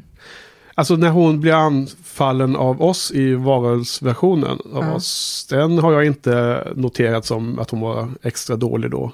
Okej. Jag tror inte, jag har nog inte stört mig så mycket på den för att det är liksom okej att man spelar över för att man ska vara väldigt rädd liksom och, och vad hon nu gjorde. Mm. Eh, De två scenerna som jag um, åtminstone tyckte var så dåliga så jag skrev upp det i mina notes. Dels är det i början när hon och Willow är på väg att träffa Scobys-gänget. Som är, de går eh, någon scen där.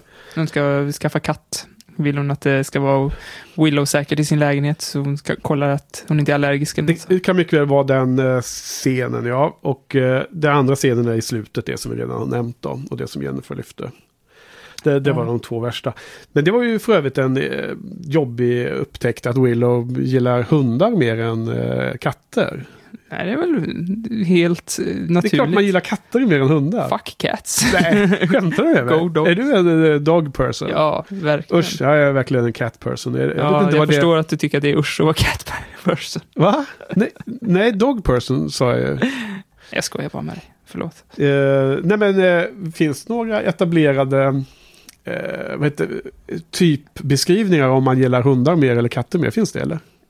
Ja, och jag tror inte på horos- horoskop heller, så att jag är nej, ganska nej, ointresserad jag av det. bara undrade om det fanns någon etablerad eh, type, Antagligen så är det väl så som att man- fo- som folk man- som gillar hundar är nog både smartare och snyggare och lite mer värda. hundar som är helt eh, korkade och eh, utan eget eh, liv Jag känns kan det ju som. förstå att en kattmänniska med lite mindre IQ tänker. Ja, ja, ja. Eh, så där var det mismatch då i alla fall på, om vi säger in i den här världen då med Willow och Tara. Ja. Eh, vad heter det? Det var så lustigt för att ehm, ja, Anja är ju jätterolig igen. Bland annat när oss gör entré och alla blir helt eh, awkward. Och då säger hon en himla rolig kommentar som du måste hitta och klippa in. It's great to see you guys again. Really.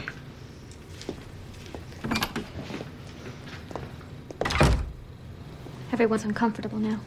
Inte minsta ironiskt eller för humorn liksom. Eller det är ju för humorn av showen men karaktären Anja Ja. säger det helt allvarligt. Liksom. Hon säger någonting om everybody's uncomfortable again. Eller här. Ja, liksom. Hon bara kommenterar att hon, hon lägger märke till att nu är alla helt konstiga igen. Men sen så nu, när Willow ändå har möte med oss där, de ska ju, det slutar med att de sitter och pratar hela natten i hennes rum och på hennes säng och allting. Och, och det visar sig att det var ju fullmåne då och allt det där. Men då när de möts där, då har ju Willow på sig den där fina kappan igen. Ja. Som jag lade märke till tidigare säsongen, den här som är med blommor och grejer Ja, på. jag tänkte också på det nu. Mörkbrun och så har den lite fluffigt runt eh, kanten där uppe. Eh, vad heter? Kragen. Och jag, det känns nästan som att hon tog på sig den bara för att hon skulle träffa oss igen. Tror du det? Ja, För jag det är något sånt. Jag kan inte komma ihåg att jag sett den kappan sen han var med nämligen senast. Nej, jag kan inte heller komma ihåg det. Det skulle varit eh, kul om showen har tänkt så långt.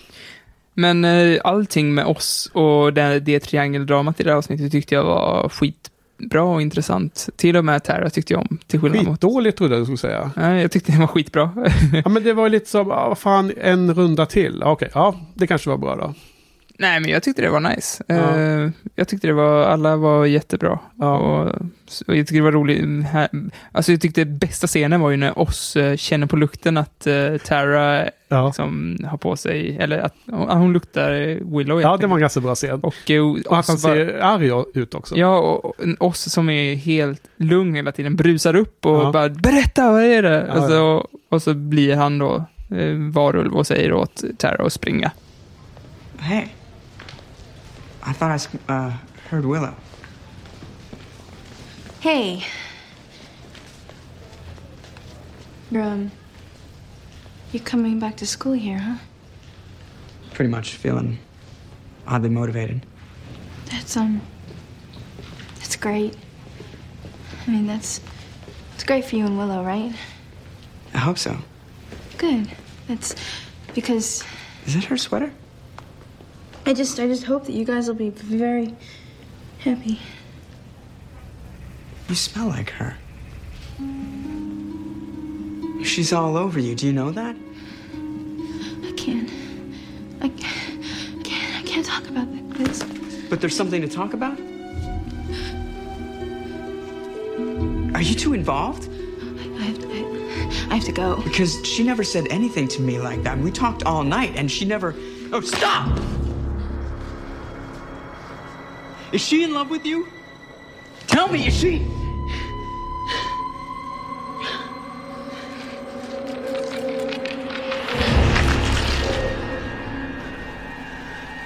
Run. Det tyckte jag var skitbra. Däremot stör jag mig ganska mycket på, på Riley, att han... Eh, hela den här grejen... För, först, det initieras med att eh, Willow berättar om... Eh, Willow, eller Buffy berättar om Willow och oss relation.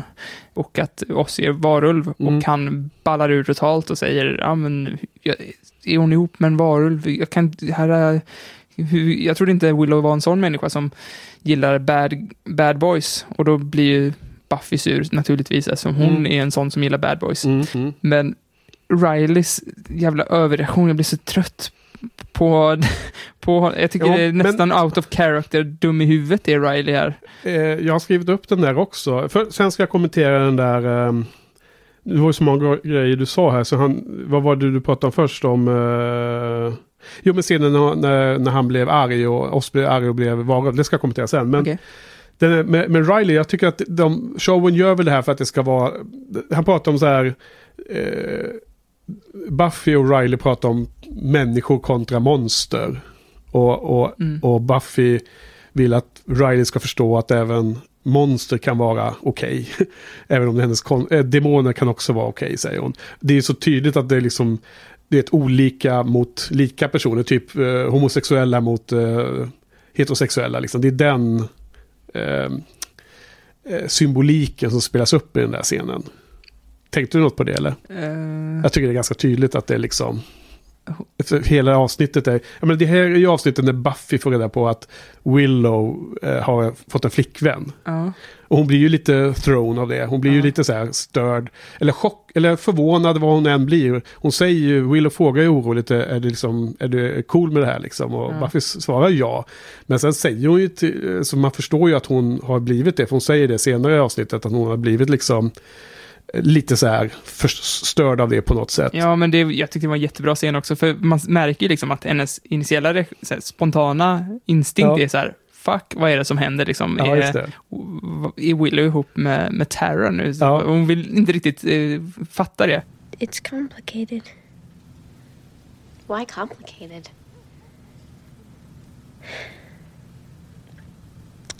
It's complicated. Because of Tara. You mean Tara has a crush on us? No, you. Oh.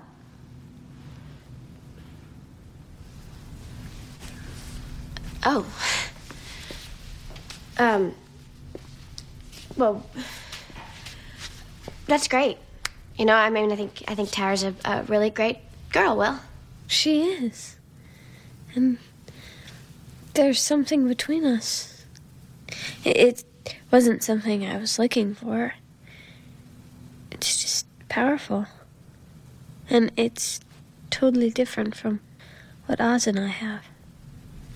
Well, there you go. I mean, you know, you have to you have to follow your heart, Will, and that's what's important, Will. Why do you keep saying my name like that? Like what, Will? Are you freaked? What? No, Will. th- No. No, absolutely no to that question. I'm glad you told me. Och sen så frågar ju Willow henne, bara, är du, are you freaked? Och hon bara, nej, nej, nej, nej. Och sen Ja. typ sjunker in i henne, så bara, det är hennes liksom logiska hjärna Mm. liksom fått över och bara, nej men, hur, varför freakar jag över det här? Det är ju Ja, men hon, jättefint hon reagerar att... ju så, eller hur? Och det är på samma sätt som Riley reagerar när Buffy säger att Willow har varit ihop med oss. Oz is a werewolf, and Willow was dating him? Yes.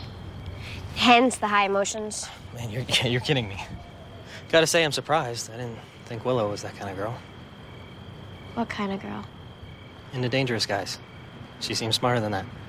Oz is not dangerous. Something happened to him that wasn't his fault. God, I never knew you were such a bigot. Whoa! Hey, how did we get the bigot? I'm just saying it's a little weird to date someone who tries to eat you once a month. Yeah, well, love isn't logical, Riley. It's not like you can be Mr. Joe sensible about it all the time. God knows I haven't been. I'm not talking about you. How about we don't talk about this at all? Okay, let's just patrol. Det är, ju som, Mm, ja, det, är det, det, den parallellen det är den parallellen som All de right. spelar med här. Och sen är det ju att det är liksom att även de andra kan vara okej. Det är ju liksom det här vanliga liksom att, att man kan vara bra även om man är annorlunda än vad vi är. Det är Mm. inte svart och vitt. Och det, jag tycker Nej. när de spelar upp att det är Willow och Tara och, och de är liksom ihop, de är... Jag liksom tycker att den symboliken är ganska Ja. tydlig.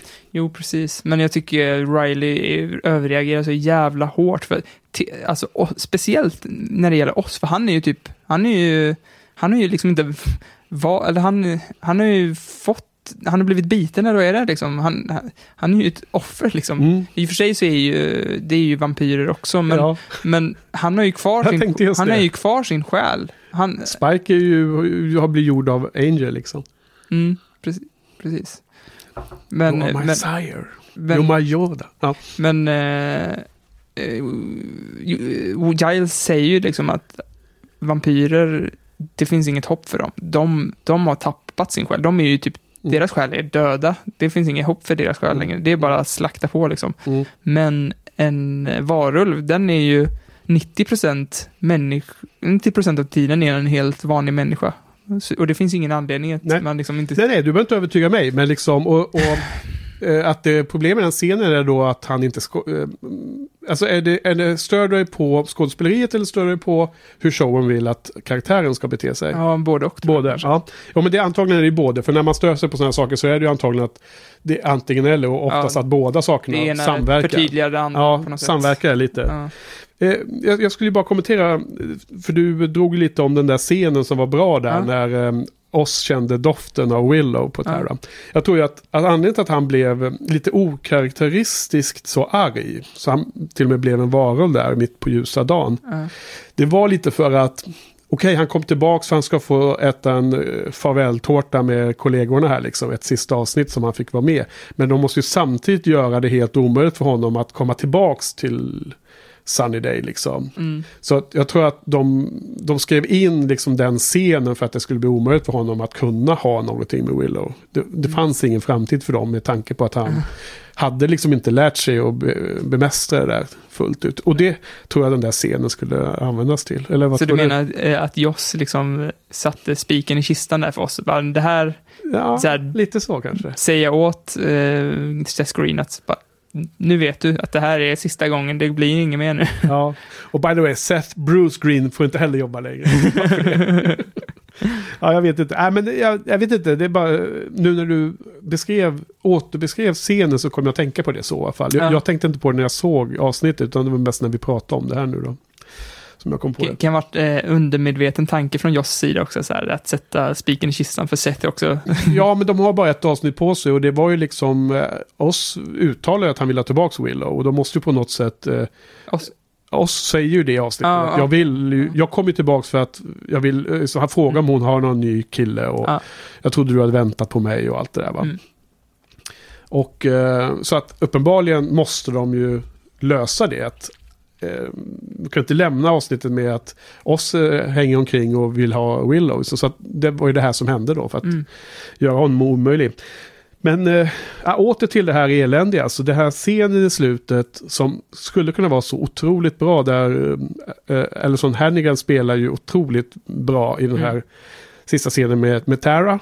Mm. När hon, Amber Branson står och hon levererar sina lines helt bisarrt dåligt och hon gör massor med konstiga miner emellan hon pratar också. Ja, men jag, jag, jag gillar ju det. Jag gillar att hon är helt awkward och inte vet vad hon ska göra av varken sin kropp eller sitt eh, ansiktsspel liksom. Ja, alltså för mig så signalerar det bara att det är en helt orimlig nivåskillnad i hur bra skådespelare de är. Då. Det kanske jag håller med om, men jag tycker fortfarande att det funkar. Men så för den, sen klipper de till allra sista scenen när Willow sitter med oss i, är det hans eh, det. bil där va? Precis. Och de pratar den sista innan han åker då. Och då, det är så stor skillnad på, man, det är så tydligt hur eh, Ellison Hannigan är jättebra i den scenen också, när de sitter och pratar med oss. Alltså det är, det är ju suverän scen tycker jag. Den, den ersätter den scenen som borde vara den bästa, nämligen när hon förkunnar sin kärlek för Tara. Mm.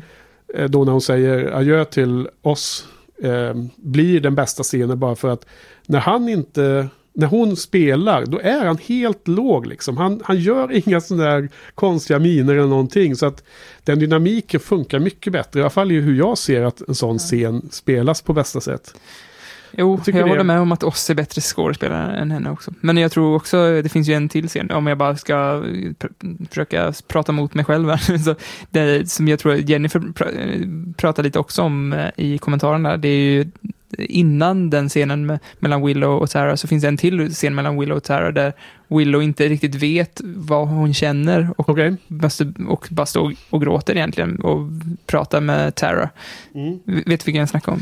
Nej, för att den, den scenen jag, jag tänkte på den, det var den hon kom med ljus i handen. Ja, precis. Och Men det är den sista va? Det är den sista. Och du pratade om någon precis en, före? En näst sista scen, som Okej. är ganska lik den scenen. Ja. Som är, ja, där också man ser nivåskillnaden på skådespeleriet ganska Jag, jag kommer inte ihåg riktigt, vad, vilken är I det? don't know. I just. Life was starting to get so good again, and. You're a big part of that. And here comes the thing I wanted most of all, and. I don't know what to do. I. I want to know, but. I don't. Do what makes you happy. Det var kul att oss kom tillbaks. Det var, det var på något sätt eh, bra för storyn att eh, Willow och Tara blev ihop officiellt. Men det var liksom också väldigt tillrättalagt, väldigt många av de här eh, dramatiska vändningarna. Det var aldrig någon gång man fick bli överraskad. Blev du liksom överraskad att Willow valde Tara liksom, Nej, nej. till exempel? Nej, verkligen inte. Eh, jag tycker att showen som sådan är oftast mycket mer Det här var ju kändes som ren... intellektuellt utmanande Ja. ibland. Jag tyckte att jag blev jäkligt uttråkad av det här avsnittet. Ja, ja, men det kändes som ren fanservice. Att folk bara, vi vill ha tillbaks oss liksom. Ja, men ni får ett sista avsnitt med oss och säger Ja. hej då. Alltså det var bara fanservice-avsnitt där. Ja, men de... Willow fick spela ja. ut och, och blev ihop med Tara liksom. Det är också någonting som alla fans säkert ville se. Ja. Så det här Alltså kändes... vi har ju vetat det länge som, det var ju lite lustigt att eh, Buffy inte alls hade fångat den vibben. Men Jag menar, Faith hade Ja. ju konstaterat det och jag Att tror inte kör- Spike har också konstaterat det någon gång om jag inte är helt fel ute. Men det känns som att för oss är det ju, alltså som åskådare är det ingen överraskning. Nej. Och vi, vi fick ju väl en kommentar från Carl också. Är det jag som sitter och sparkar på bordet? Förlåt. Ja, det är någonting som, eh, som klirrar hela tiden. Ja. Eh, kommenterade att de inte hade eh, lät Tara och eh, Willow ha sin sexscen för att alla andra har fått det, att de inte vågar ha en gay sexscen. Ja, men det blev i, eh, lite dolt bakom en, de gjorde en magisk ritual. Ja, och sen jag tänkte så här, men det är väl, det, är ju- det har ju Buffy och eh, Angel också haft en motsvarande sexscen där eh, han suger ut hennes blod och det ska någon slags metafor för sex. Men eh, här, i det här avsnittet, där fegar de ju också ur, så är det är nog så att eh, Karl har en liten poäng där, för att här blåser de ju ut ett ljus istället för att ha Mm. sex. Liksom. Så.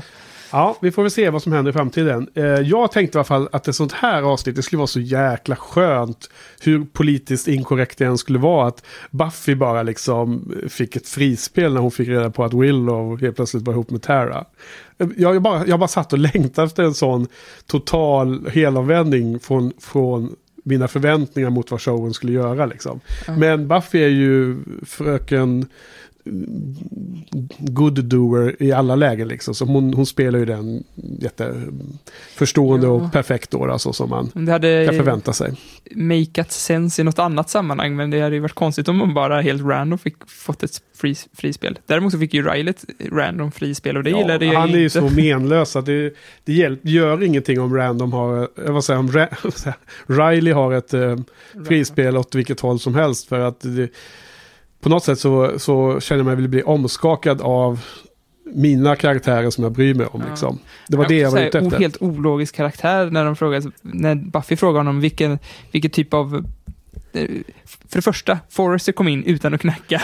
Ja. Han vill ju bara se när Riley har sex. Han är, Ja. han, vill, han är så jävla tänd på Riley, Forrester alltså. Men så kommer han in och berättar att, eh, att eh, vem är det som har blivit attackerad? Jo, det är Eh. Tara som har blivit Nej, jag vet inte. Men någon har blivit attackerad av, av en varulv i alla fall. Jo, men det är ju en av soldaterna som har blivit Ja, det. dödad av en varulv. Ja, så var det. Precis. Och... Eh, och Det var du som hade sett avsnittet nu. Ja, det är jag som har sett det två gånger. Men, och så, bland, bland annat idag. ja, och Buffy frågar, vad, vad, vad var det, vilken typ av monster var det? Ja. Och eh, då, då säger eh, Riley, does it matter? Mm. Och det är bara, är du dum i huvudet? Det är precis det som Buffy har suttit och sagt, att det does matter liksom. Det är så konstigt skrivet, så det är, ja, jag vet inte, det, det, det där liksom, Men han är måste vara konsistent i alla fall, Riley. I sina... konsistent dum i huvudet. Ja. Men han är konsistent i att han tycker att det har ingen betydelse. Det var ju det hans eh, frispel byggde på också. Att Monsters versus eh, people, liksom. Han, eh, monsters är aldrig okej, säger Ja, han. ja, Ja. ja, men, men Jag just måste, jag måste vara djävulens advokat Ja, men just lite. den frågan är ju den som Buffy har suttit och förklarat för honom. Ja. Att it does matter. Alltså, Ja, ja, det spelar roll vad det är för typ av monster. Absolut, men du, eh, jag vill ju bara liksom, eh, utmana lite som vi får till en dialog. Eh, hade det varit eh, bra skrivet hade han sagt, hade han sagt it doesn't matter. Mm. Men nu frågan, does it matter? Liksom. Ja, ja. Mm. Det, Men, men- sker, sker det för, hur är det nu? Uh, uh, påminn mig Johan. Är det, berättar hon om Angel eller inte det här slutet på det här avsnittet? Gör hon inte det? jag kommer inte ihåg riktigt. Men hon Ja, säger att hon, säger, ska berätta. Hon säger att jag har någonting jag måste berätta för dig. och du liksom. kommer inte gilla det. Ja, precis. Va? Och det sker väl i slutet av allting va? ja, jag tror det. Så att vi har inte sett Rileys reaktion på att förstå att hon har varit ihop med en vampyr. Nej, men nu har han ju säkert lärt sig och är en bättre människa efter det här avsnittet. Ja, det, det är väl tråkigt så. Ja, ehm, okej. Men du, här har jag glömt att sätta betyg på det innan. Vad, eller har du några mer kommentarer? Jag har också glömt att sätta betyg. Men eh, nej, jag är nog rätt klar.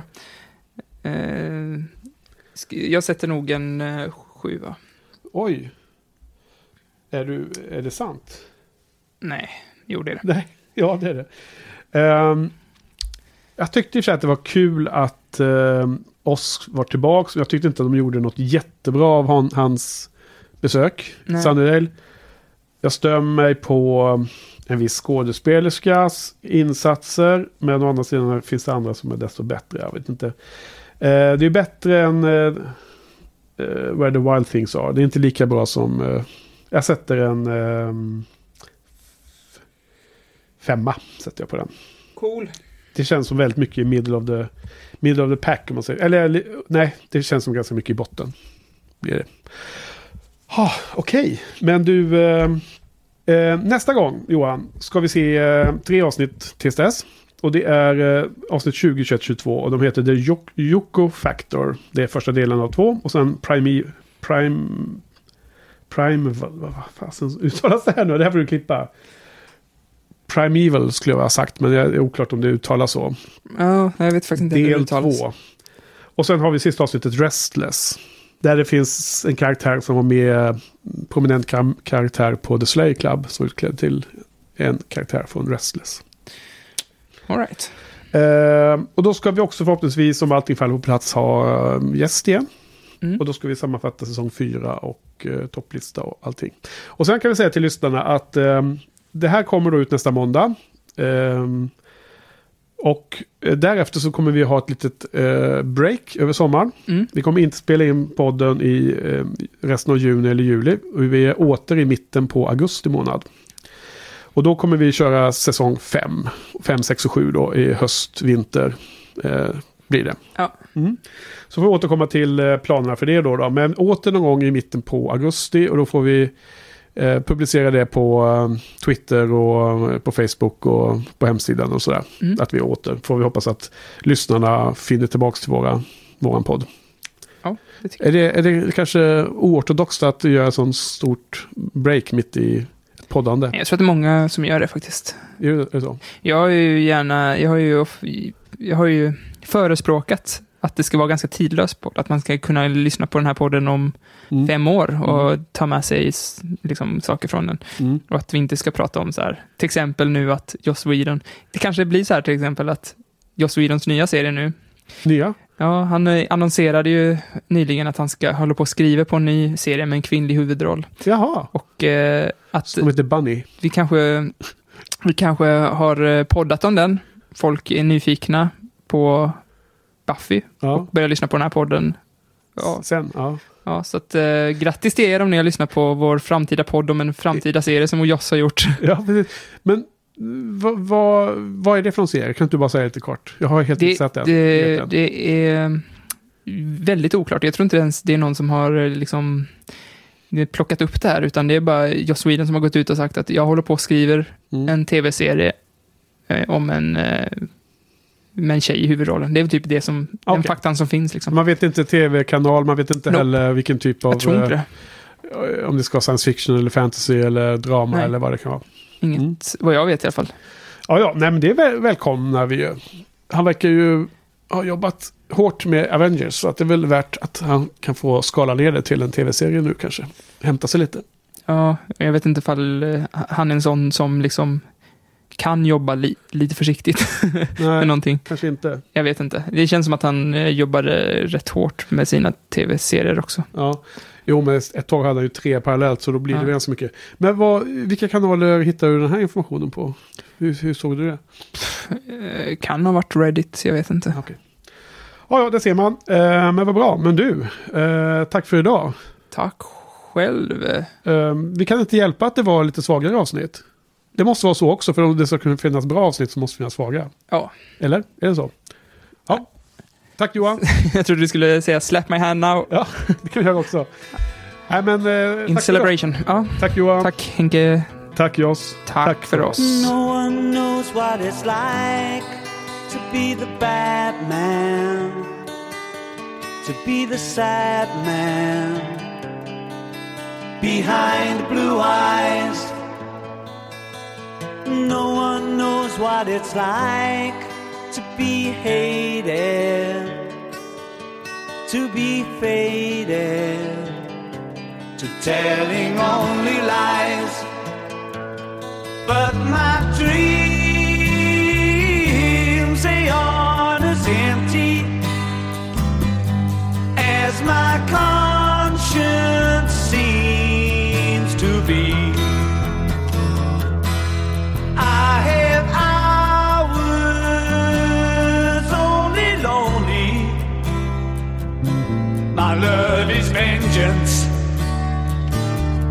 that's never free.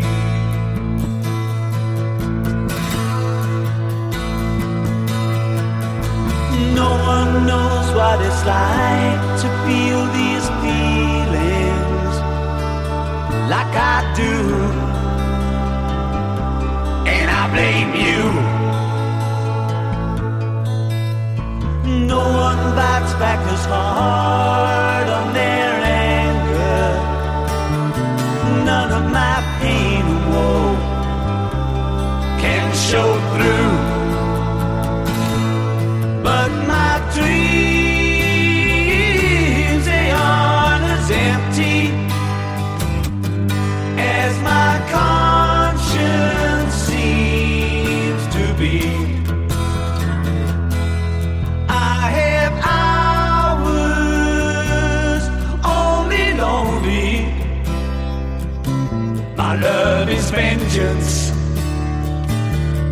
never free.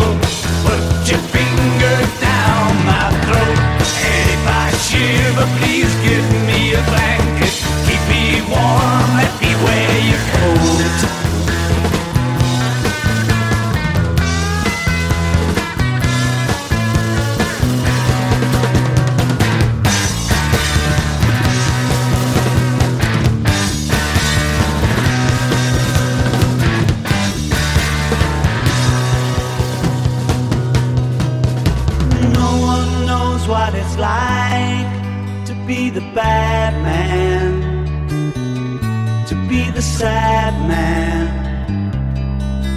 behind blue eyes.